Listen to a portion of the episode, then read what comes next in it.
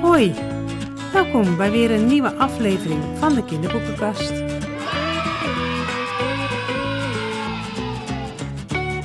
Ga er maar weer eens even goed voor zitten, want vandaag is mijn gast. Mario de Vroet. en welkom allemaal. En misschien denken jullie, wie presenteert dit? Deze podcast dan deze keer. En dat ben ik, Jelmer Jepsen. Eh, ik ben ook schrijver en ben ook al een keer te gast geweest in de podcast. Maar het gaat niet over mij, het gaat over jou, Mario. Ja, grappig hè? Welkom. Dankjewel. Leuk dat je nu een keer aan de andere kant van de microfoon zit. Ja, heel vreemd moet ik zeggen. Ja, maar het werd hoog tijd volgens mij. Hoeveel schrijvers heb je inmiddels in deze podcast gesproken?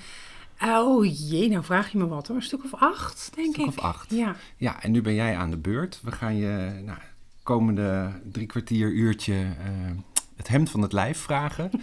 en zoals altijd in deze podcast beginnen we met de vragen van de kinderen. Yep. Hoe oud ben je? 57. Heb je broers of zussen? Ja, ik heb één zus, Agnes, en die is ouder dan ik. Is acht jaar ouder dan ik.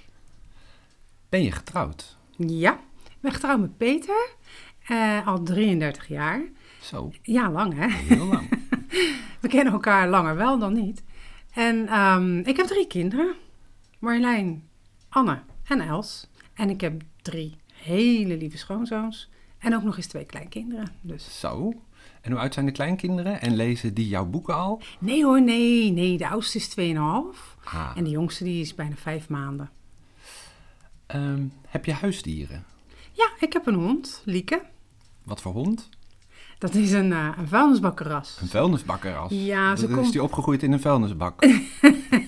Bijna. Eigenlijk wel. Nou ja, ze, ze- het is een zwerfhond uit eh, Roemenië. Oh ja. Dus eh, zij is, het is een meisje. Ja, dat zegt En de naam heeft nu een eigenlijk veilig thuis bij jullie Ja. en een warm thuis. Al twaalf jaar. Al twaalf jaar. Mooi. Wat is je lievelingseten? Italiaans, denk ik. En dan nog iets specifieks?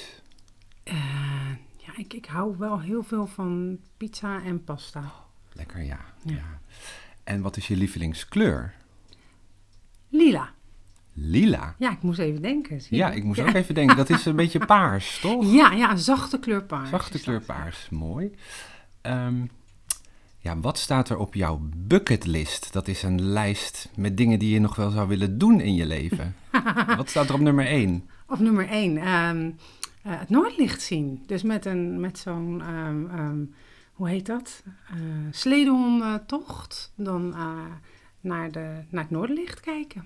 Weet je wel, die, die mooie, dat, hoe Ja, heet dat? Heet het ja. Aurora Borealis of zo? Heet zoiets. eh, met Zo'n groene al die, zweem. Ja, al die, die, die gekleurde dingetjes. Mooi. Dat, dat lijkt me heel mooi. Mooi doel. Ehm, wat doe je het liefst in je vrije tijd? Buiten schrijven? Ja. Ik denk, nou, ik gooi hem er even in. Ehm, wat ik het liefste doe, eigenlijk creatieve dingen, denk ik. Eh, ik hou van, ehm, ja, normaal gesproken, eh, vroeger deed ik bijvoorbeeld kaarten maken. Ik doe dingetjes, haken voor de, voor de kleinkinderen ook soms. Ehm, ja, wat doe ik het liefst in mijn vrije tijd? Ja, dit is een Ja, mooi antwoord. Lekker lezen. vreubelen. Ja, echt, ja, en lezen vooral. Nou, heel veel lezen. Dat Leuk. sowieso. Ja, dat is een mooie tijdsbesteding. Ja. Heb je altijd al schrijver willen worden? Dat wist ik niet, maar ik denk het wel. Omdat dat klinkt raar, hè? Dat klinkt Ja. een beetje cryptisch. Ja. Ehm, nou, laat ik het zo zeggen. Vanaf dat ik heel klein ben, eh, schrijf ik al. Vroeger voor de schoolkrant. En ehm, ik schreef ook altijd, was heel grappig, want dan moesten we voor school, kreeg je, vroeger kreeg je dan zo'n stempel in je, in je schriftje. Ja. En daar moest je dan een, een verhaaltje bij bedenken of iets bij schrijven. En dan kregen wij bijvoorbeeld een stempel van een koe in de wei. En dan schreven alle kinderen, dit is een koe. En ik schreef dan, de koe staat in de wei, ze is aan het eten. Dus daar kwam al een heel verhaal bij. En eh, het was zelfs zo erg op een gegeven moment dat eh, mensen het niet meer leuk vonden dat ik in de, in de schoolkrant kwam. Want ik stond eigenlijk altijd in de schoolkrant. En ik had een zeer enthousiaste eh, lerares wat dat betreft. En ehm, ja, na de hand ben ik de, de, de, toen ik leerkracht werd, ben ik eh, schoolmusicals gaan schrijven. Voor, de laatste eindmusicals voor groep 8. Leuk. Ja, dat was echt heel Ook erg met leuk. liedjes dus. Ja, met liedjes erbij. Ehm, en en nou ja, tussendoor heb ik altijd bijvoorbeeld voor het afscheid van een, van een eh, collega of, of wat dan ook, heb ik altijd sketches geschreven en, en uitgevoerd met andere collega's. Altijd met taal bezig en met taal- stukjes ja, schrijven op allerlei, klopt. in Ja. allerlei vormen. Ja. Ehm, vind je het makkelijk of ook wel eens moeilijk om te schrijven? Heel vaak moeilijk. Ideeën vinden is makkelijk, hè? Dat weet jij ook. Ja, Voor je het weet heb je een heel Ja. schriftje vol met allemaal, met allemaal leuke aantekeningen en ideeën. En, en, dus dat, dat is altijd makkelijk. Ehm, dan ga je het schrijven, dat is ook nog wel leuk. Maar dan kom je op een gegeven moment ook op een punt dat je denkt... Hmm, vind ik dit wel goed genoeg? Moet ik het misschien toch anders doen? En wat je ook krijgt, wat ik dan vaak heb, is dat de personages een eigen billetje krijgen. Ja. Dus die, eh, dan wat je bedacht hebt, gaat ineens een hele andere kant op.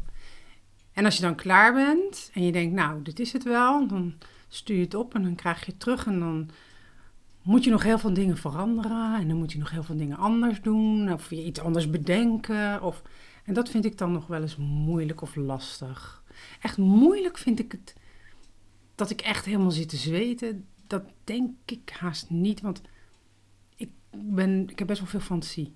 het is een leuk soort Het moeilijk. is een leuk soort moeilijk. Ja, Ja, het is, ja, je ligt er niet ja. per se wakker van, maar het is Nee. wel iets waar je veel over na moet denken en keuzes moet maken. Ja, Ja, Dat her- wel. herken ik. Ja, ja. Ehm, wie zou je graag nog eens een keer ontmoeten? wie zou...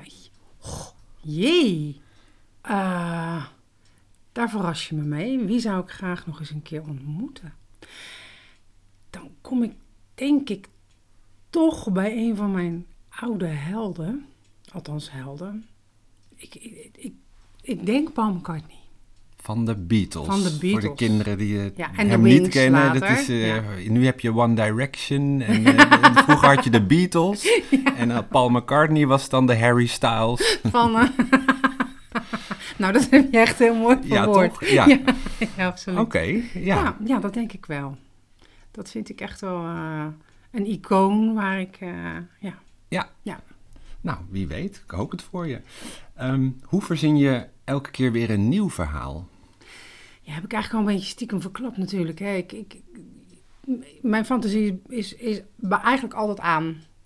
Als er een vogeltje over eh, als je op een terras zit en er komt een vogeltje bij je zitten... dan zie ik niet een vogeltje wat bij me komt zitten... maar dan hoor ik ook echt zeggen van... eh, ja, dat klinkt een beetje raar, maar dan kan ik een heel gesprek voeren alsof ik het vogeltje ben. Zo van, hé, hey, geef mij ook eens wat. Of, of dat, zoiets, weet je wel. Dus ik, ik, ik heb best wel veel fantasie. Wat was de vraag ook alweer? En ik heb een korte, korte tijd. Hoe je een nieuw verhaal verzint. Oh ja, Nou, dat kan dus bijvoorbeeld door een vogeltje wat naast je landt, die Of- in één keer begint ja. te kwetteren. zoiets. Ja, of, of, of gewoon als ik, als ik een plaatje zie of als ik iets zie op tv wat me dan grijpt. Het, eigenlijk alles. Alle, de inspiratie ligt op straat bij nou, mij dat wat is dat mooi. Ja. Eh, veel Ja. dankbaar, denk ik. Ja. Ehm, lees je zelf ook veel? Heel veel. Wat is veel? Ehm, nou, ik zit sowieso in een, in een boekenclub. Dus ik lees heel veel eh, literatuur, volwassen literatuur. Eh, want dat is elke maand, eh, wo- wordt er een boek besproken. Oh ja, één boek per maand sowieso. Minimaal één keer per baan, ja. En ja, heel veel kinderboeken. Sowieso alle boeken natuurlijk van de, van de schrijvers die ik in de podcast krijg. En ehm, van de bibliotheek ook. Dan, dan, leen ik minimaal tien boeken of zo per maand. Zo. Dat vind ik gewoon echt leuk. Zo, Ja, nou, ja, ja. mooi. Ehm, wat is dan je lievelingsboek als je zoveel leest? Dat varieert. Omdat dat, dat, mijn lievelingsboek is het boek wat ik het allerleukste vind. Totdat ik een ander boek vind wat ik nog weer leuker vind. Oh ja. En op het moment? Mo- op het moment is dat een eh young adult. En dat is eh Zeis. Oh van ja. eh, Neil Schusterman. Ja, Tenminste, niet alleen Zeis. Ik heb die hele serie gelezen in het Engels. Want in het Nederlands was hij nog niet uit. En die vind, dat, pff, als ik nou iets zou willen, dat, dat is voor mijn bucketlist. Neil Schusterman ontmoeten Zo. en vragen hoe hij zo schrijft. En Ja. dan zou ik net zo'n boek willen schrijven als hij. oké. Nou, ik ben Ja. benieuwd. Goeie tip. Ehm, wat maakt jou heel erg boos? Onrecht. In alle vormen. In En, elke vorm. Nou, ja. En vooral als, je, als bijvoorbeeld mensen over je praten en niet met je. Roddelen. En dan roddelen, dan kun je vaak ook helemaal niks doen. Want dan wordt er iets over jou gezegd. En eh, dat is natuurlijk ook, wat een heel mooi dankbaar thema voor, voor een film of een boek. Ja, Hè, dat, je, dat je ergens van wordt beschuldigd. En, en, en ja, ja, en het is niet zo. het is niet waar. En Ja. dan kun je eigenlijk nooit... Hè, dat zie je nu ook eh, met, met beroemde mensen. Die worden dan ergens van beschuldigd. En dan ben je eigenlijk al Ja, een beetje veroordeeld... voordat het echt ook bewezen is wat Ja. je hebt gedaan. De juice-kanalen ja, en alle ja, juice-nieuwtjes. Dat vind ik dus heel Het moeilijk. verspreidt zich tegenwoordig ook super snel natuurlijk, Ja, ja, online. ja. En als ik ook eh, zie wat, wat, wat, wat die kinderen elkaar aan kunnen doen... Met, met die filmpjes die ze dan opnemen en Oh, ja. elkaar... eh, Ja. ja. dat vind ik verschrikkelijk. Ja. Maar dat wil ik misschien niet eens, daar wil ik het niet eens over hebben Nee, eigenlijk. zit geen boek in over eh, nou, kinderen en social media en, en juice? en zo. Ja, pesten. ja, m- misschien. Misschien, wie weet. Wie weet. Het is er vast wel, denk ik al. Ja, dat denk ik ook wel. Ja. Ehm, was je vroeger op school goed in taal en rekenen? Wel in taal. Niet in rekenen. Nee? Nee, nee. Nou, rekenen ging nog wel. Maar toen het wiskunde werd, Oh ja. toen was het afgelopen. Ja. Daar snap ik echt helemaal niets van. Nee. Dan moest ik, dan kreeg je, dan ging ik zo'n zo'n zo'n formule ging ik doen. En dat snapte ik dan wel. Dan kon ik al die, die formules, dat, die formule kon ik oplossen. Maar dan kreeg je weer een nieuwe formule. Als ik die alleen hoefde te doen, kon ik dat ook nog wel. Maar als je dan op een toets al die formules door elkaar moest gebruiken. eh, nee, dat Dan ging het kon- allemaal duizelen. Ja, dat kon ik echt Nee. niet. Ben je eh, daarom misschien wel eens blijven zitten? Ja, ben ik niet heel trots op. Maar ja, ja, ja, ja. ja. Ja, in, op de Op middelbare... de middelbare school. Nee, lagere school niet. Daar, daar ging Nee, ik echt met twee vingers in mijn neus ja. doorheen. Welke Ehm, klas? In vier gymnasium ben ik blijven zitten. Ja. En de, de zes gymnasium heb ik ook nog een keer gedaan. Oké. Toen waren de andere dingen belangrijker dan Ja. dat. Eh, heb je hobby's? Heb je al wat over verteld? Een Ja, beetje? heb ik al wat over Heb je verteld, nog een andere hobby behalve lezen en knutselen en vreubelen? Ja, mijn dieren denk ik. Ik heb een tuin bijna helemaal ingericht op dieren. Wat voor Dus- dieren? Nou, voor insecten bijvoorbeeld, Oh, maar ja. ook voor vogels. En, en dat is heel dankbaar, omdat ik dan dus ook heel veel dieren in de tuin heb. Soms ook dieren die ik niet zo graag wil. Net als een, ik had een bunzing bijvoorbeeld. D- d- die wil je niet hebben. Wat is dat, een Een bunzing? bunzing, dat is, eigenlijk een, een, nee, nee, een fret. Weet je hoe een fret, Ja. eh, wat een fret? Zo'n Ja. leuk huisdier. Ja. Dat is eigenlijk zijn wilde neefje. Oh. Ja. En ehm, die zag ik ineens door de tuin heen lopen. Nou, dat, dat wil je niet, want die, die, die stinken echt heel, Oh, je hebt ook de uitdrukking stinken als een bunzing, Juist. toch? Nou, dan weet je dus wel waar dat vandaan komt. Ja. En ehm, ik had ook ineens een, een schildpad had ik in de tuin. Nou, dat was ook wel heel Oh, bijzonder. heel exotisch. Ja, Ja. die heb ik ook wel. Nou, ik heb heel vaak fazant, eh, eh, de, de buizerd komt vaak, want er zitten ook veel duiven. Dus ja, eigenlijk heel veel Oh, beesten. mooi. Nou, ja. geweldig Ja. lijkt me dat. Ja. Ehm, dit waren de vragen van de kinderen. ja, en een heel klein beetje van jou. En een heel klein beetje van mij. Een ditje of een datje? Ja, de ditjes en de datjes. Ja. Ben je er klaar voor? Ik ben er helemaal klaar voor. Je krijgt twee keuzes te horen. Ja. Daarvan moet je er eentje kiezen. Je mag er toelichting bij geven. Hoeft niet. En soms vraag ik zelf om toelichting als ik benieuwd ben waarom je het ditje of het datje hebt gekozen. Pizza of patat? De pizza. Had ik al een beetje stiekem Had je al een beetje verklapt. Ja. Hond of kat? Hond. Had ik ook al een klein beetje Ja. Heb je een hond? Ja. Had je dat ook Ja, al gezegd? had ik ook heb al ik, gezegd, Heb ik dat ja. gewoon niet onthouden? Wat stom van mij. Ja, nee, dat heeft helemaal, Ja. helemaal niks. Lieke. Lieke. Lieke. Ja. Ja, de, Oh, ja. de Roemeense Ja, straathond. nee, sorry, tuurlijk. Ja, nee, ja, maakt niet ja, uit. Nee, ja. Het is heel, veel, heel ingewikkeld om een podcast ook eh, te leiden. Hè? Je moet op zoveel dingen letten. Nu merk ik pas Ja. hoe het voor jou ook eh, Ja, is om eh, ja. al die schrijvers dingen te vragen. Ehm, zomer of winter? Ik, ehm, dat wil ik zomer, denk ik. Maar dan hou ik dus niet van die enorme hitte. Dus niet van wat Zoals je we tegen... er nu bij zitten eigenlijk. Ja, voor de luisteraars thuis. Wij Ja. zitten met de gordijnen dicht. Het is buiten heel warm. Ja. Eh, het heeft gisteravond heel hard geomweerd. Het is heel broeierig. Ja. Dus dit weer waar we nu in zitten, dat is... Daar hou ik dus niet zo van. Dat vind ik echt te, te warm allemaal. Eh, maar gewoon lekker net even over de 20 graden en zonnetje, daar hou ik heel veel van. En winter vind ik op zich ook wel leuk, maar dan... Zeker als het niet te koud is. Ja, en als er niet te veel sneeuw... Nou ja, Niet te veel plakkerig. dus eh, veel te veel ijs. Zullen we het op zomer houden? Ja, zomer. Ehm, lezen of schrijven? Ja, die vind ik zo moeilijk. Kijk, als er niet geschreven wordt, dan wordt er natuurlijk ook niet gelezen. En ik vind lezen een van de leukste dingen die er zijn. Maar ik vind schrijven ook een van de leukste dingen om te doen. Dus Je moet ik, kiezen. ja, weet ik. Dus ga ik heel, nu ga ik echt heel sneaky doen. Om te doen, schrijven. En om te lezen, lezen. Dat mag niet, hè? Nee. Nee, ik, ik ga toch voor schrijven. Je hoeft ook niet per se te kiezen. En Nee, dit- maar- deze twee horen ook wel echt bij elkaar. Bij inderdaad. elkaar, Want als je niet schrijft, dan kan niemand lezen. En Nee. als er niet gelezen wordt, dan hebben schrijvers weer niks te Dat doen. is het. Ja. Maar als ik echt moet kiezen, kies ik denk ik toch voor schrijven. ja. Ja. Ehm, koffie of thee? Ik lust geen koffie, dus die is heel makkelijk. Thee. Heel rijk of heel veel vrienden? Ja, veel vrienden. Ik, het is een cliché, maar laten we eerlijk zijn. Je kan nog zo rijk zijn als je niet gezond bent. Dan houdt het op. En van veel vrienden word je gezond? Daar word je geestelijk rijk van. Ja, en ook gelukkiger. gezond. Gelukkig, want je hebt gewoon mensen om mee eh, om te gaan, om mee Ja. te praten, om mee te lachen. Om mee... Dus ik denk, ik ga voor de vrienden. Ehm, pindakaas of chocopasta? Die is ook heel makkelijk. Pindakaas, dat eet ik echt al vanaf dat ik net een boterham kan eten, geloof ik. En chocopasta nooit of af en Ik- toe? Heel af en toe. Heel, Heel af, en toe. Ja. Ehm, altijd natte sokken aan? of als je niest, komt er altijd yoghurt uit je neus? je moet kiezen. Wat een dilemma. Natte sokken aan of als je niet komt er altijd yoghurt uit. Altijd, hè? De rest van je leven. Ja, ik ben dus geopereerd aan mijn neus. En eh, dat was een hele vervelende operatie, waarbij eh, eh, ook een soort van yoghurt uit je neus kwam. Oh, toen, toen eenmaal alle, er watten, er- toen ervaring alle mee. watten eruit waren. Dus ik ga voor de natte sokken. Altijd natte sokken Altijd aan. natte sokken.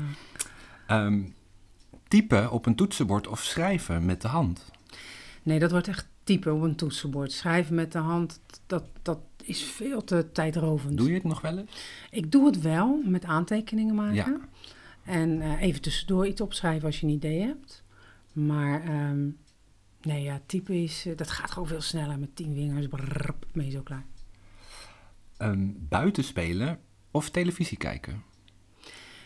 Ik ben bang dat ik een televisiekijker ben. En niet zo'n buitenspeler. Nou ja, ik, ik kom altijd al buiten Vroeger met de ook al buiten spelen of televisie kijken? Eh, nou, wij woonden op een flat. Ah, En eh, er was niet veel groen bij ons in de buurt. Dus ik, ik heb ook eigenlijk niet echt geleerd om buiten te spelen. We woonden twee of drie hoog. En ehm, ik had ook geen tijd om buiten te spelen. Maar dat was wat anders. Want mijn oma die was heel ziek, waar we heel veel naartoe moesten. Eigenlijk elke dag. Dus ik heb niet echt ooit nooit geleerd om buiten te spelen. En films kijken vind ik onwijs leuk. Dus eigenlijk ook wel een hobby. ja. Ben ik helemaal vergeten Ja. te zeggen. Films kijken, Dus wordt- Netflix, eh, series. Dat wordt dus, eh, eh, dat is ook een makkelijke keuze. Dat Ja. wordt films kijken Ja. of televisie kijken. Ehm, wandelen of fietsen? Wandelen. Doe je dat Fiet- veel? Ja, sowieso met de hond de hond natuurlijk. natuurlijk. Maar ook s'avonds na het eten gaan we altijd even wandelen. Tenzij het regent, want dan ben ik ook wel een mooi weerwandelaar. En dat vind ik eh, fijner dan fietsen.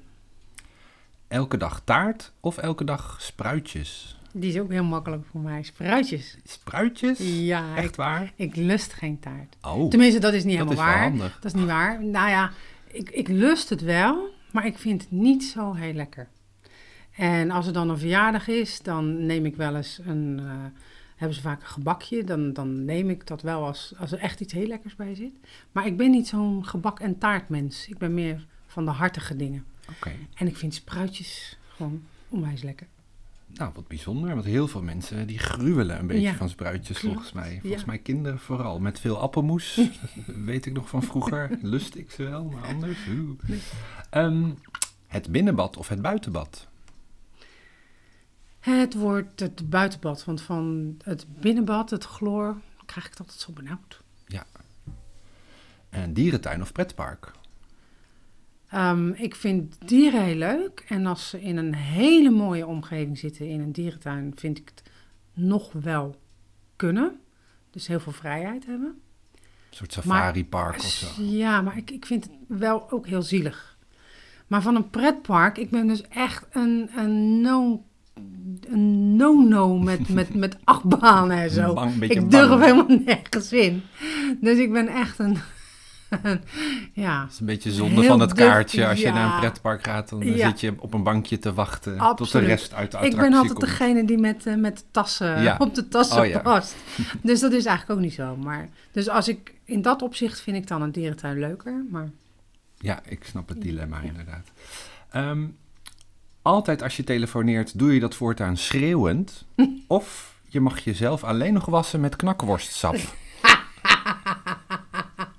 ik hoor een hoog Sam, Sam de stuntvlogger gehalte hier.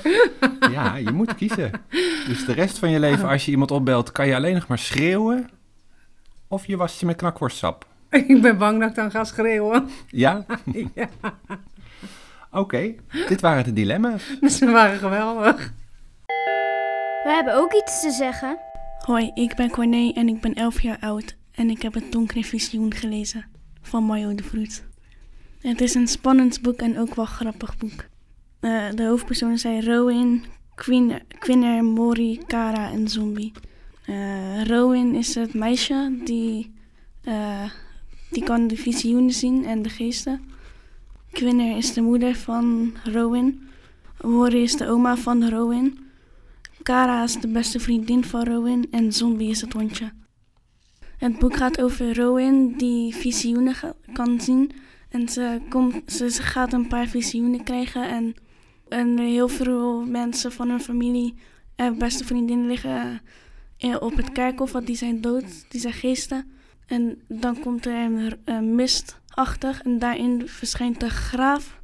En dan krijgt ze een visioen dat de wolven met rode ogen een kerkhof gaan vernielen. Eh, dan gaat ze op onderzoek uit wie de graaf is. Eh, die raaf, eh, ja, graaf kan niet overgaan en die kan ook gegeest worden. En dan, krij- en dan krijgt ze visioen dat ze, dat ze zijn zoon moet zoeken. Dan gaat ze op onderzoek, maar ze vindt het wel een beetje spannend. En dan gaat ze om hulp vragen. Ja, en dan beleven allemaal spannende dingen. De leukste personages van het boek vond ik Rowan en Zombie. Eh, want de zombie die gaat allemaal blaffen en is wel grappig. En Rowan die kan allemaal spannende dingen zien. Het leuk, min, het personage vond ik Kara. Zij, zij beleeft niet zulke spannende dingen en is meestal eigenwijs ook. Ik vind dat andere kinderen dit boek moeten lezen omdat het is grappig, spannend en ook een klein beetje zielig. En dan ga ik nu een stukje voorlezen. Half negen. Zo laat is haar oma nog nooit geweest. Snel loopt ze de stoel waar ze vorige avond haar kleren overheen had gegooid en ze kleedt zich haast aan. Somje kijkt toe hoe ze hopend op een been haar schoen probeert aan te trekken zonder te vallen. Pas als ze haar kamerdeur opengooit en de gang oprent, komt hij, komt hij lui uit de mond en rekt, rekt zich uit. Rowan wacht niet op haar beste vriendje. Ze stormt de trap af en gr- grist in het voorbijgaan. Haar jas van de kapstok. Pas bij de ingang van het kerkhof heeft ze haar, heeft haar rits dichtgekregen. Toch voelt ze geen kou. Het is doodstil op het kerkhof als de poort knarsend opengaat. Ze voelt hoe een vlaag van paniek haar verhindert om logisch na te denken. Oma, roept ze sch- schel. Geen antwoord. Ze rent zomaar een kant op, gedreven door een drukkend gevoel. Elke grafsteen die ze tegenkomt staat er verlaten bij. Niemand die een praatje maakt of roddelt over de buurvrouw. Niemand die zijn steen poetst of verzorgt. Alles is leeg en stil. Pas als achter de heuvel is gekomen, ziet ze de witte wolk die bestaat uit de bewoners van het kerkhof. Ze drommen bij elkaar in de verse uithoek van het kerkhof, als vliegen om een hoopje verse poep. Haar lichte paniek ebt weg nu ze iedereen heeft gevonden en gaat over in nieuwsgierigheid. Naar wie of wat het veroorzaakt heeft. Een stuk rustiger loopt ze het laatste stuk naar het opstootje. Ze hoorde de hoge stem van Madame Curiosa boven het gonzen van de andere, andere stemmen uit. Dat betekent dat haar oma niet ver daar, vanda- daar vandaan zal staan. Oma, roept ze nogmaals. De achterste bewoners kijken schichtig om en wijken uiteen. Voor het mensenkind dat hun kan zien. Hun gezichten lijken minder wit dan normaal, alsof er een opgewonden blos overheen ligt. Roman kijkt verwonderd om zich heen. Zo heeft ze haar vrienden nog nooit gezien. Het heeft nog, het heeft nog het meest weg van een stel opgewonden kinderen die staan te wachten op de bus die ze meenemen op schoolreis. Rustig loopt Rowan de menigte heen in de richting waar ze de hoge stem heeft gehoord. Vooraan in het midden ontdekt ze oma met Madame Curiosa op nog geen halve meter afstand. Pas als ze naast hun staat ziet ze de oorzaak van de opwinding. Daar waar twee coniferenhagen de grens van het kerkhof aangeven en in een hoek bij elkaar komen, hangt een vreemd soort mist. Geen gewone mist, zoals je die vaak in de ochtend over de weilanden ziet hangen die ervoor zorgen dat koeien lijken te zweven omdat ze geen poten meer hebben. En ook geen wolkerige, helder witte mist waarin je gezellig kunt verdwalen. Het zijn groezelige, benauwde fla flardenmist die alles dempen en je kippenvel op je armen bezorgen. En in die lange flardenmist ver- flikkert vaag zichtbaar een schim. Tijd voor het interview. Ehm, Misschien moeten we heel even vertellen dat we hier in een huis zitten met een ehm, eh, klok. oh ja, ja, misschien En die hoor je hem. tikt. Dus ik zou je gehoord kunnen hebben, maar hij gaat misschien ook slaan. Hij gaat zometeen gaat hij ouderwets klingelen als het goed is. Er hangt hier een tikkende klok. Dat geeft ook wel iets heel Ja, huiselijks. ik vind het heel leuk. Het kan zijn dat we zo onderbroken worden door wat eh, gebengel, maar... ehm, Dan weet iedereen gewoon ja, waar het wat komt. Schrik er niet van thuis. Ehm, nou, we hebben het er net al een heel klein beetje over gehad, maar ik wil er nog meer van weten. Ehm, ja, hoe je eigenlijk begonnen bent met schrijven. Je schreef vroeger al. Ja. Hoe is dat naar een, ja, een eerste boek gekomen? En ehm, gaan we zo ook nog wat over je eerste boek eh, eh, praten. Maar hoe ben je van eh, hobbyschrijver in de schoolkrant naar een echte schrijfster gegaan? Ehm, ik schreef natuurlijk de eindmusicals Ja. voor groep 8. En ehm, die werden altijd zo leuk ontvangen. En dat was dus echt gewoon een uur, anderhalf uur eh, musical. Die werden altijd zo leuk ontvangen. En de ouders kwamen dan ook vaak naar me toe en die zeiden van... Jonna, moet je wat mee gaan doen? En toen dacht ik, ja, wat moet ik daar dan mee gaan doen? Moet ik dan een boek schrijven? Maar er zijn al zoveel schrijvers in Nederland en daarbuiten. En allemaal hele goede schrijvers. Wat, wat kan ik daar dan nog aan toevoegen? Maar toen zei ze, ja, maar jouw, jouw eh, gevoel voor humor die je in de, in de musicals legt, dat is gewoon heel leuk. Je moet er echt iets mee doen. Toen dacht ik van, oké, nou ja, laat ik het dan eens proberen. En toen heb ik eh, eh, een uitgeverij benaderd. En die ehm, vond wat ik had geschreven, vond ze heel erg leuk. Want je had daar toen musicals naartoe gestuurd of een, Nee. een, een verhaal al eh, iets? Ik had, ik had, nou laat ik het zo zeggen, ik had, ik had een verhaal opgestuurd naar haar, dat vond ze erg leuk. Ehm, en toen vroeg ik van, is er ook nog een bepaald genre waar je, waar je graag een boek van zou willen hebben? Omdat ik met de musicals was ik gewend met eh, de kinderen, met de klasse zelf, een hele musical in elkaar te steken. Zij vertelde mij waar ze het over wilden hebben. Zij vertelde mij welke personages ze leuk zouden vinden. En zij Oh, gaven dat is ook wel bijzonder, zij toch? gaven dus alle Ja. ingrediënten. En ik maakte daar dan een musical van. Het was echt een musical op maat. Ja, Ehm, dus ik was daar aan gewend. Ik was gewend om, om op commando tussen Oh, ja. haakjes te schrijven. vandaar dat je ook aan hun vroeg. eh, dus ik vroeg van, maar. is, er iets, is er een bepaald genre waar, Ja. je, waar je behoefte aan hebt? En dat was natuurlijk heel bijzonder, want dat hadden ze nog nooit meegemaakt. Dus dat was ook een beetje terughoudend van, ja, zo werken we eigenlijk niet. Ik zeg, nee, maar ja, 1 en 1 is 2. Als je het wil, kan ik het schrijven. En heel, heel vrijblijvend. Dat hebben ze gedaan. Ze hebben gezegd waar ze behoefte aan hadden. En daar heb ik eh, eh, eh, een manuscript voor geschreven. En dat was. Dat was het, het oorspronkelijke manuscript voor Rowin, voor Donker. En daar waren ze zo enthousiast over dat ze direct vroegen of ik daar een trilogie van wilde maken. Dus of ik er drie boeken van wilde schrijven. En daar werd ik dan weer heel enthousiast van. En dat heb ik toen ook gedaan. Maar voor mijn beeld, want je hebt ook nog boeken geschreven over de Bosdorpenbrigade. Ja, dat klopt. Dat, ja, dat waren mijn eerste boeken. Die heb ik zelf uitgegeven. Want toen was je dus al wel... En toen was ik dus eigenlijk wel aan het schrijven. Dat is ook, weer, ja, dat is ook wel een heel grappig verhaal eigenlijk. Ik dacht dat je bedoelde eh, gepubliceerd werd. Maar ik heb dus inderdaad daarvoor ook boeken geschreven. En dat is ook wel een grappig verhaal. Toen vroeg eh, een of andere uitgever, die vroeg eh, om de- een detective verhaal voor kinderen. Van 9 tot 12. Toen dacht ik van, nou, vind ik wel een leuk idee. Laat ik daar eens wat mee proberen. En daar ben ik toen al begonnen. En dat heb ik eh, eh, eh, niet, wel opgestuurd, geloof ik. Niet geworden. Maar ik had ook het stukje aan een zoon van, zoontje van een vriendin van mij laten lezen. En die vond dat zo leuk. Die zei, dit boek wil ik voor mijn verjaardag hebben. En toen dacht ik, oké, ik maar heb nog maar een stukje. ik heb nog maar één hoofdstuk. en het gaat ook niet uitkomen waarschijnlijk. Dus toen heb ik voor hem eigenlijk mm, de hele serie, de, hele boek van... Oh, daar gaat die mensen. die. Ding dong. Ding Eén dong. uur gelukkig, maar één keer. En ehm, daar heb ik toen, eh, voor hem heb ik eigenlijk het eerste deel van de Bosdorpbrigade helemaal eh, afgeschreven. En dat vond hij ook leuk. En toen heb ik dat ook uitgebracht. Ja, En daar kwam zo'n leuke respons op, dat ik er nog een tweede deel van heb Ja. geschreven. En dat is ook gewoon helemaal uitverkocht. ja. Dat, werd, eh, dat ging over eh, de Bosdorpbrigade. Het zijn drie kinderen die dan detectives zijn. En het tweede deel ging over eh, dat ze op scouting Ja. problemen hadden waar ze dan dat ze op moesten lossen. En Scouting Nederland heeft die hele serie zo'n beetje voor mij verkocht. Dus Wat dat was wel heel leuk. Ja. Heb je zelf op scouting gezeten toevallig? Was Nee, het- mijn kinderen. Jouw kinderen, daar Mijn was het dan op geïnspireerd. Ja, Oh ja. De, de, de scoutinggroep van mijn kinderen, dat, die, eh, die stond ook model voor de scoutinggroep eh, Riekerken uit het boek. Ja, dus dat was eigenlijk het- het echte begin voor iets dat in een boekvorm was Ja. met een kaft en wat je echt in je handen kon hebben. Dat klopt. En daarna heb ik eh, voor een meneer die heel graag, die was in de tachtig en die wilde heel graag een boekje over zichzelf, heb ik een soort ghostwriting gedaan voor die meneer. En ik heb ook nog voor volwassenen geschreven, eh, twee verhalen. En die, zijn dan ook, die werden ook eruit gehaald en gepubliceerd in bundels. Dus dat was ook nog wel eh, leuk.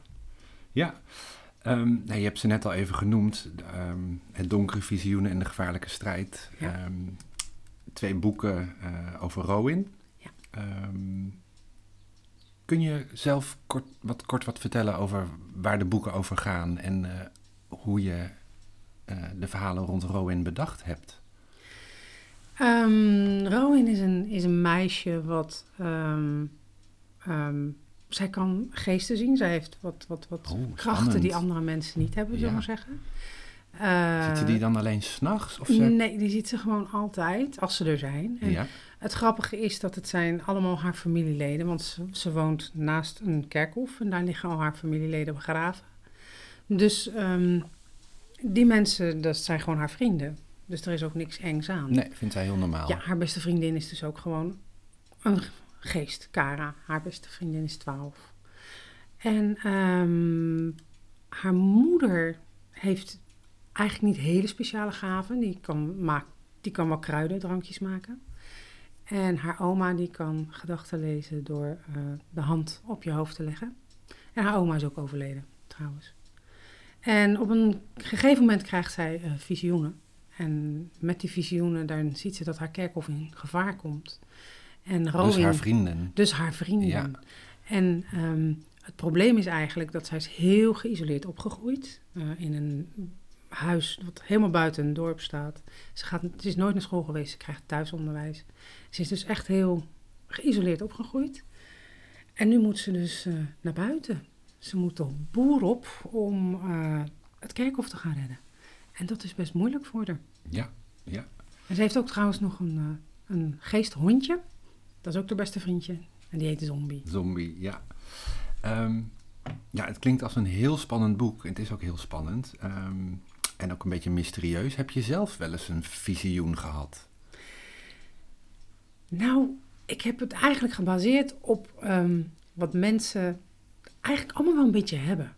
Dat je aan iemand denkt en dan die persoon belt je ineens. Ja, Of eh, je hebt het gevoel, hè, déjà vu wordt het ook wel gezegd, van oh, maar dit heb ik allemaal al eerder gezien. En Ja, wat dit- een visioen is voor de kinderen die dat niet helemaal nog begrijpen. Eigenlijk, je ziet iets voor je wat nog Ja. gaat wat gebeuren. moet in- gaan gebeuren, ja. ja, ja. in de toekomst vaak. Je weet alleen niet wanneer en je weet niet eh, precies, maar je weet wel dat het gaat gebeuren. Ja, En dus ehm, we zouden het misschien een beetje voorgevoel ook kunnen noemen. ja, vaak heb je dat ook, hè? Dat, dat je denkt van, oh, misschien moet ik niet in dit vliegtuig stappen. Ja. Of, of het klinkt heel, heel raar, maar Ja. soms heb je gewoon ook ja, voorgevoel iets over voelt iets. niet goed bij een mens. Bijvoorbeeld. Die, dat je al weet, nadat je hebt voorgesteld, dit is een onaardig iemand. Voorbeeld.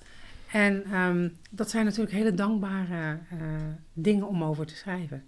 En omdat iedereen wel eens iets, zoiets heeft meegemaakt of zoiets heeft gevoeld, ehm, dacht ik, nou, dat vind ik wel een. eh, een eh, d- d- dat het is wel heel bijzonder. Om te, ja, ik weet ook niet eigenlijk of ik het moet zeggen. Maar ehm, ik zei jou al dat mijn, ik zei eerder al, mijn oma die was ziek, dus daar moest ik heel veel naartoe. Eh, de droom de, waar het mee begint, het allereerste begin, eh, dat Rowan op de derde jaar dus eigenlijk een visioen krijgt, dat is dus echt zo. Dat heb ik dus Dat is echt, jouw eigen- Dat is mijn eigen Ja. eh, eh, ja, droom geweest eigenlijk. En ehm, daarin zag ik dus mijn oma, de keukenkastjes gingen klepperen, het was gevaar, ik was bang. En ik zag mijn oma vallen. En niet lang daarna ehm, ehm, is mijn oma dus in de kamer ook echt gevallen. En eh, moest ze naar het ziekenhuis en daar is ze dan ook nooit meer uitgekomen. Dus dat is, dat is heel specifiek. Ja. Dat is echt iets wat, wat mij ook eh, is overkomen. En ik weet niet of ik, dat, eh, of ik daar heel erg comfortabel mee ben om dat te zeggen. Maar dat is wel mijn ervaring. En ik dacht, nou, als ik dat heb gehad, dan hebben vast veel meer mensen zoiets gehad. Ja, En heb ik het ook wat algemener getrokken met de, hè, de telefoon die gaat terwijl je net aan die persoon dacht. Ja. Of, of dat soort ja dingen. ik denk dat eh, heel veel luisteraars dat soort dingen ook wel in hun eh, Dat denk ik ook. levens hebben meegemaakt. Dat inderdaad. denk ik ook. Ehm, maar wat ze misschien niet hebben meegemaakt, maar jij misschien wel, weet ik niet. Heb je ook wel eens een geest gezien? Zoals Rowan. Nee, niet zoals Rowan. Nee, nee, nee. Maar dat lijkt Er zijn ook mensen dus die beweren dat, dat, dat ze dat zien. Hè? Dat ze in een oud huis eh, komen Ja. waar ze de oude bewoners nog zien rondlopen. Letterlijk. als een Letterlijk, soort ja. geest. Ja, nee hoor, nee, nee, dat heb ik, dat heb ik niet. En ik vind het wel heel, ik, ik, het zou me wel heel leuk lijken als het kon, zoals Rowin dat kan. Hè, dus dat je echt je, je overleden familieleden, dat, dat je die nog om je heen hebt. Dat je daar nog mee kan praten, dat je daar nog Ja. dingen aan kan vragen. Dat, Ja. dat is eigenlijk meer een wens van mij, bij wijze van spreken, dan dat ik dat mee heb ge- gemaakt of dat ik dat zelf heb. Je hebt geen paranormale ervaringen, dat je mensen ziet. Dus eh, nee, Nee, nee, ik zie nee, geen geesten, nee. wel voorgevoelens, maar geen, Dat eh, wel, maar geen geesten. geen geesten. Ehm, ja, nu we het er zo over hebben, ehm, horen de luisteraars het waarschijnlijk wel. Het is een, een heel spannend boek, maar toch ook wel heel grappig en leuk. Ja. Hoe ehm, zorg je er voor die mix? Dat je, dat je een, een boek schrijft waar, ja, wat eigenlijk heel spannend en eng is, maar waar je af en toe ook om kan lachen. Want dat vind ik zelf, als ik schrijf, vaak heel moeilijk. Mhm. Het is of het een of het ander, maar in deze boeken is dat heel mooi afgewisseld. Ehm, kan je daar wat over vertellen? En ook waarom je daarvoor gekozen hebt? Dat is denk ik bij mij, ehm, gaat het sowieso van nature. Dat eh, als het iets spannend is, dat, onze hele familie heeft dat altijd wel eh, gehad. Als er ergens spanning is, dan moet dat weggelachen worden. Dus dan moet er ook humor bij komen.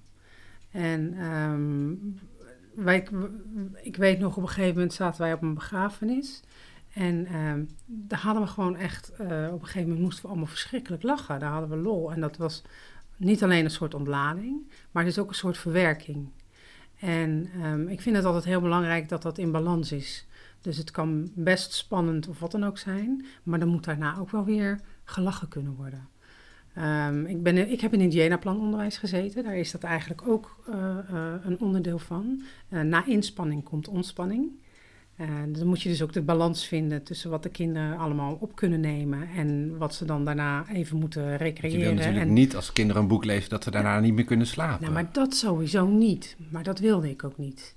Maar ehm, ik denk, ik, ik moet even nadenken hoor. Want wat je nou precies vroeg, hoe kom ik aan die balans, hè, vroeg je. Ja, ik, ik heb zelf dan misschien een beetje op weg te helpen met, met stuntvlogger Sam. Die maakt ook allemaal spannende dingen mee. Ja. Ehm, maar ik maak dat eigenlijk nooit echt spannend. Het is altijd grappig, omdat ik heel erg... eh, bij mijn familie werd er altijd gelachen. Er moet altijd een grap gemaakt worden. En Ja. eh, zodra iets spannend of emotioneel werd, daar werd eigenlijk niet over gepraat. En daarom kom ik soms niet tot een wat serieuzere laag bij een boek. Maar is het alleen maar gekkigheid en grappen en stunts. Ja. En dat vind ik leuk aan jouw boeken, dat het dus die mooie mix heeft. En ja, de vraag was eigenlijk, zoek, zoek je dat actief op? Dat je denkt van, nou, nu is het te eng geweest, een kind moet zometeen wel weer kunnen slapen. Of is dat iets wat je natuurlijk in je hebt? En ik hoor een beetje dat dat wel ook ja, bij jou thuis dan al zo dus Ja. was. bij ons was thuis was dat zo. En Bitter en zoet. Eh, Ja, misschien wel, maar ook vooral gewoon net wat, eigenlijk ook wel bij jou, dat het wel wat zoals bij jou was. Dus de humor, het moest, er moest altijd humor zijn. maar bij mij slaat dat dan door. En dan denk Oh, ik, ja. er mag wel wat gevoel af en toe in. Oh, of wat diepgang. En dat vind ik zo goed gelukt in jouw boeken. nou, wat Dat- lief, dankjewel. Ja, dat vind ik knap. En heel veel schrijvers kiezen vaak één, ehm, of het is een boek om te lachen, of het is een heel eh, zwaarmoedig boek. En dit is een mooie mix. ehm. en ja, kost jou dat veel moeite? Of dat is blijkbaar... Nou, blijkbaar niet. Nee. Ik denk dat dat heel eh, eh, natuurlijk is gegaan. Laat ik het zo zeggen. Ik ben heel dicht bij mezelf gebleven. En eigenlijk hoe ik als persoon ben. En het ging bijna vanzelf. In dat opzicht. En En wat Ik- bedoel je dicht bij mezelf gebleven? Is Rowan misschien ook een beetje Mario? ja hoor, ja. Oh, als er één scheitenbroek is, dan ben ik het. dus dat is heel makkelijk om over te schrijven. Hoe dichter je bij jezelf blijft, hoe, hoe makkelijker het is eigenlijk. En ik ben eigenlijk bijna overal bang voor. Dus, eh behalve voor dieren. Voor wat voor dingen ben je bang? De standaard dingen zoals een spin of eh, hoogtes? Oh, ja, of ja, allemaal. allemaal. Ik heb het allemaal. Ja, vliegangst. Ja, dus ik ben eigenlijk overal bang voor. En ehm, dat is dan wel lekker als je, als je schrijft, want dan kun je jouw personage dingen laten doen die je zelf helemaal niet durft. Ja. En dat heb ik met, met Robin natuurlijk ook gedaan. Kijk, als Robin niet, niet, niet durft en angstig is, dan is dat eigenlijk een stukje van mezelf, wat ik, wat ik in dat boek stop. En dan kan ik haar lekker dingen laten doen, dat ik denk van, wow, ik ga hè, die kant op met haar. Maar dat is wel een kant die ik zelf nooit zou durven. Maar daar kan ik wel over fantaseren hoe ik dat dan zou oplossen. En dat is natuurlijk mooi om dat dan via Rowan op die manier te doen. Ja. Dus Rowan eh, wordt eigenlijk heel dapper. Dat is mij nog niet gelukt. ik ben nog niet dapper. Maar ik, ik, om op, je- op je eerdere vraag terug te komen, ik, ik denk dat dat echt gewoon Gebeurt. gebeurt Want maak mij. jij voordat je een boek gaat schrijven een heel duidelijk plan over ehm, wanneer wat gaat gebeuren, hoe je wil dat een scène eruit ziet? Of ga je gewoon een beetje beginnen en voel je dan aan eh, waar het heen gaat? Vertel eens, hoe, hoe, hoe zet je een boek op? Ehm, ik, ik, ik zet hem wel op in de zin van, ik doe wel eh, eh, eh, voor mezelf de hele pitch maken. Dus ik, ga, ik, schrijf, ik schrijf het hele verhaal wel Pitch op. is een soort samenvatting Ja. of zo. Of een, eh, Ja. In het kort, een paar bladzijden, Ja, begin tot eind. Klopt, dat doe ik allemaal wel via, volgens een schema. Ehm, ehm, dan werk ik dat uit en dan wordt het meer een verhaal. Dan ga ik de scènes bedenken van eh, waar ik naartoe moet schrijven. En daartussendoor, dat is mijn leidraad. En wat daartussendoor eigenlijk anders gaat, dat laat ik gebeuren. En dat kan Ten- dus betekenen dat het, wat je van tevoren bedacht had, misschien wel anders gaat worden. Doordat Soms inderdaad, wel. wat je net al zei, dat een Ja. personage in één keer iets gaat doen waarvan Ja. jij denkt, Ja. dat had ik niet verwacht. Dat klopt. En dan, dan wordt het net even iets anders. Maar het begin en het einde staan eigenlijk altijd wel vast. En ehm, deel 2 is nu uit van de reeks rond Rome. Ja. Er komt een deel 3 Ja. aan. Daar gaan we zo nog wat verder over praten. Maar bedenk je dan ook al de hele serie op die manier? Dus van boek 1 tot en met 3? Of begin je eigenlijk met één boek? Nou, dat was wel grappig, want het was natuurlijk begonnen met Rowing. En dat was mijn, eh, eigenlijk een afgerond verhaal. En omdat de, de uitgever ineens drie verhalen wilde hebben, Oh, Dat was van tevoren niet. dat was, nee, dat wist ik niet. Eh, maar toen zij natuurlijk enthousiast reageerde en zei ik wil er drie, dacht ik van oh, maar dan moeten we nog wel even wat andere dingen gaan doen. Want dan moet die, die boog, dat weet jij ook, hè, eh, eh, het hele verhaal wat je verzint, moet natuurlijk meer uitgebreid eh, gedaan worden. Plus dan moet ik in boek 1 alvast wat dingetjes stoppen die in 2 of 3 terug gaan komen.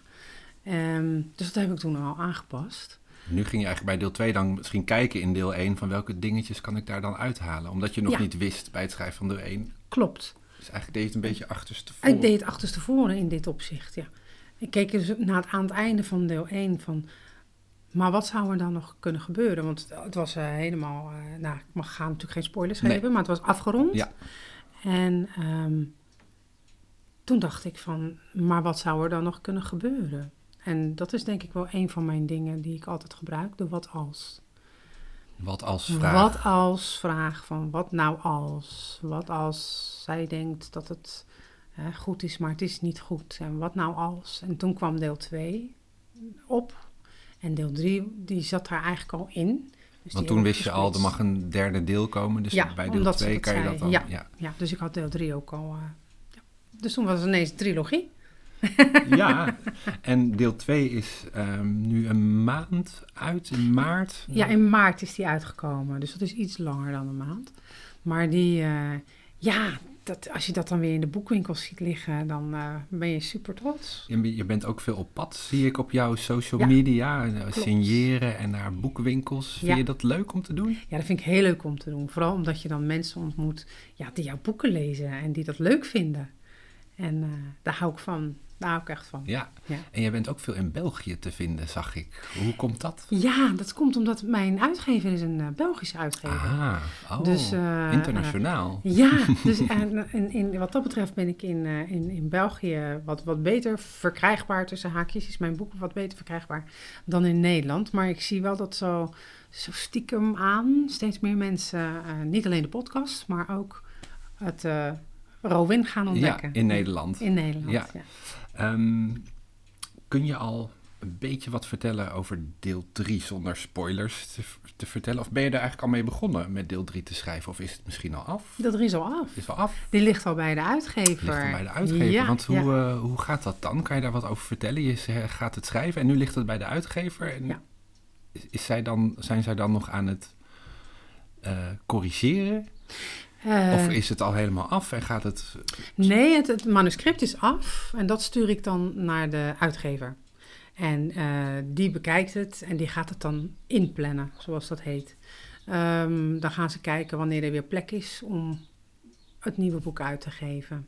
Want ik ben natuurlijk niet alleen eh, bij de uitgeverij. We hebben heel veel schrijvers bij ehm ehm, Hamley Books. Dus die willen ook allemaal hun boek uitgegeven ja, hebben. ja, Dus we gaan om de beurt. En toevallig mocht ik nu twee keer achter elkaar. Hè. Er is er eentje in september en eentje in eh, maart uitgekomen. En eh, nu moet ik weer even wachten. Dus eh de hoe lang moet je wachten? Dat weet ik niet. Dat, Dat, krijg ik nog te horen. En kun je al een beetje wat verklappen over... ja, het is heel moeilijk, dit soort vragen, Ja, weet ik. Maar oh. ehm, een klein tipje van de sluier. Wordt het nog spannender, Ja, enger? Of ja. gaat er iets... Hij wordt nog spannender. Vind ik persoonlijk. maar in deel 3 vind ik er ook nog iets meer humor in zitten. Dan, eh, dan in eh, deel 2. Dus dat... En eh, dat heb je bewust gedaan. dat, eh, ja, Ook om die, misschien omdat het nog enger wordt. Omdat het nog enger wordt. Moet er zit- misschien nog ja, meer... zit eh, er nog een beetje meer humor in. Ja. En dan ehm, nou, is die straks af, deel 3. En dan Nou, dan... heb je al nieuwe ideeën. En ik ben ook benieuwd, hoe werkt het met het verzinnen van ideeën? Nou ja, dat zei ik al. Alles wat ik, wat, ik, wat ik zie eigenlijk, daar kan ik wel een verhaaltje bij bedenken. En ehm, ik heb een schrift, althans een heleboel schriftjes. En dan schrijf ik, zodra ik iets bedenk of zodra ik iets eh, eh, denk van, oh, dat is misschien wel een leuk onderwerp. Dan schrijf ik dat op en dan schrijf ik een paar zinnen erbij van wat ik dan bedacht had waar het over zou moeten gaan. En daar staan in dat schrift al ideeën voor na... Heel veel Heel ideeën, veel zelf. heel Hoeveel? veel ideeën. Nou, een schriftje vol bijna. Oh, dus, eh, heel veel. Ja, maar dat is ook al van jaren. Hè? Wat, dus, en dat betekent niet dat het allemaal boeken moeten worden. Want sommige ideetjes zijn wel leuk, maar daar kun je verder niet zoveel mee. En ehm, ja, ik ben inmiddels alweer bezig met een, met een nieuw boek. Ah. Ja. Kan je daar al een tipje van oplichten? Ja, dat is echt zoiets heel anders. Dat is eh, eigenlijk alleen maar een beetje eh, absurd. Nou, niet heel erg absurdistisch, maar het is wel vol humor en grappig. En dan gaat het meer de kant van, van Sam op, bijvoorbeeld, en dan de kant van het visioen. Maar er zit natuurlijk wel wat fantasy in, dus dat wel. Maar niet zo spannend als. En je bent daar ook al mee begonnen met Ik schrijven. ben er al mee begonnen, ja. ja.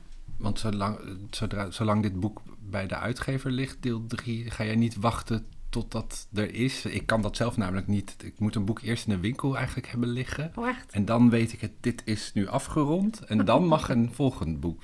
Nou, dat werkt bij mij inderdaad wel iets anders. Als ik, als ik het eh, manuscript heb geschreven en opgestuurd, dan is het voor mij afgerond. Is het natuurlijk helemaal niet, want het moet nog gecorrigeerd, het moet nog geredigeerd, het moet nog tien keer heen en weer gestuurd worden. Dus het is niet af in de zin van af, maar voor mijn gevoel is het af. Ja, je hebt dus het is afgerond uit in mijn je hoofd, dus in ja. mijn hoofd is het afgerond. Eh, het hele verhaal is klaar, het avontuur is afgelopen. Tijd voor een nieuw avontuur. En dat is waarschijnlijk ook wel een beetje, ehm, ja, toch wel de ADHD die er dan in zit. Dat je dan ook wel, oké, klaar, hup, door. Ja. Dat, eh, Ja, dat klinkt heel, eh, heel leuk. Maar ik denk dat heel veel schrijvers dat niet hebben. Die moeten echt ploeteren om weer een nieuw idee te verzinnen of daar een keuze in te maken. Maar bij jou gaat het dus vrij ja. avontuurlijk. Je hebt je schriftje en dan... eh, ja, en dan blader ik en dan denk ik van, nou, wat zou ik leuk vinden? En ook wat wil de uitgever Oh ja. hebben? ja, daar overleg je dan mee. En daar overleg ik ook mee. En dan, eh, ja. En dan mag ik, ik mag bijvoorbeeld ook bij de uitgever zeggen van, nou, ik heb dat en dat en dat en dat idee. En dan zegt zij, die vind ik niks, die vind ik niks, die vind ik leuk. En dan eh, weet ik in ieder geval Ja. aan welk volgende boek ik Ja. moet gaan werken. Ja, ja, ja, want uitgeverijen weten natuurlijk ook wel vaak wat, Ja. wat kinderen leuk vinden. Dat is. Ehm, er zijn misschien ook wel kinderen die luisteren die zelf ook schrijver willen worden. Kan ik me zo voorstellen. Want. Heb je een, echt een goede tip voor iemand die een boek wil gaan schrijven en die eigenlijk nog geen idee heeft ehm, waar te beginnen of hoe je dat aanpakt? Wat is nou echt een toptip voor een schrijver? Voor een beginnende schrijver. Voor een, Ehm, sowieso heel veel schrijven. Misschien wat Want- je net ook al zei, hè? jij begon vroeger al Ja. te schrijven, is gewoon Ja. Nou, oefenen. ja, dat is het. Kijk, weet je wat het is? Ik, ik ben wel een. eh, ehm, soms ben ik wat, een wat ongeduldig typeje. En dan eh, wil ik bijvoorbeeld eh, piano spelen, maar dan wil ik niet beginnen met toonladders, maar gelijk Bach. Nou, dat kan natuurlijk niet. Je, kan, je moet eerst oefenen, oefenen, oefenen, oefenen. Om later Bach of Beethoven of wat dan ook te kunnen spelen. Om echt mooie pianomuziek te kunnen spelen. Nou ja, dat, dat is me niet gelukt. Dus dat, daar had ik geen geduld voor. Maar dat geldt wel eigenlijk ook voor eh, schrijven. Dus zoveel mogelijk schrijven, altijd schrijven. En hoe meer je schrijft, hoe beter je wordt. En een van de dingen die heel erg voor de hand liggen, maar ehm, wat toch onwijs belangrijk is, is dat je verhaal een begin, een midden en een eind moet hebben. En ehm, als, je, als je een van die drie mist, dan klopt je verhaal gewoon niet. Je ziet vaak bij een opstel of wat dan ook dat kinderen wel beginnen, maar dan is er een begin en een midden, maar is er eigenlijk nooit een einde.